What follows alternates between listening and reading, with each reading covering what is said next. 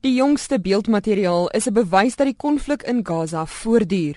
Geboue lê in puin terwyl ander in vlamme gehul is.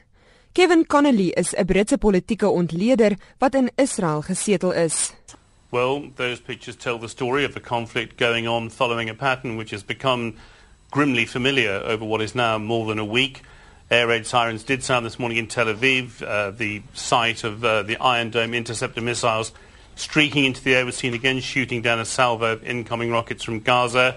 Israel's air raids have continued in Gaza, of course, and the death toll there has now gone over 200. Daar is baie kritiek teen Israel omdat die meeste slagoffers van aanvalle in Gaza burgerlikes is.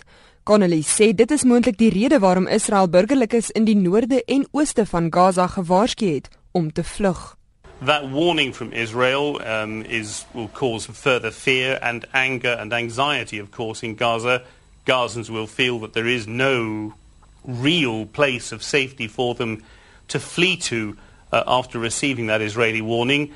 And of course, there will be speculation, not just in Gaza but in the wider world, that attempting to clear areas of civilians like that could, of course, be Israel trying to minimize civilian casualties, as it says, could be perhaps preparing the ground for some sort of uh, more expanded military operation, perhaps involving the use of ground troops. So, really, another day in the conflict, uh, depressingly familiar from the days which have gone before.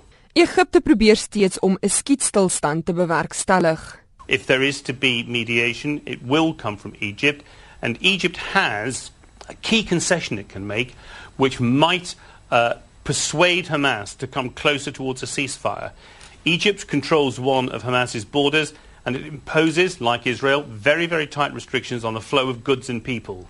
If Egypt were minded to ease those restrictions, it might be able to tempt Hamas into some sort of political process. So that's probably the shape of the deal that will end this crisis when it does end, but there's no sign of when that will deal will be done. Kevin Connolly uit Jerusalem. Ek is Henry Wondergem in Johannesburg.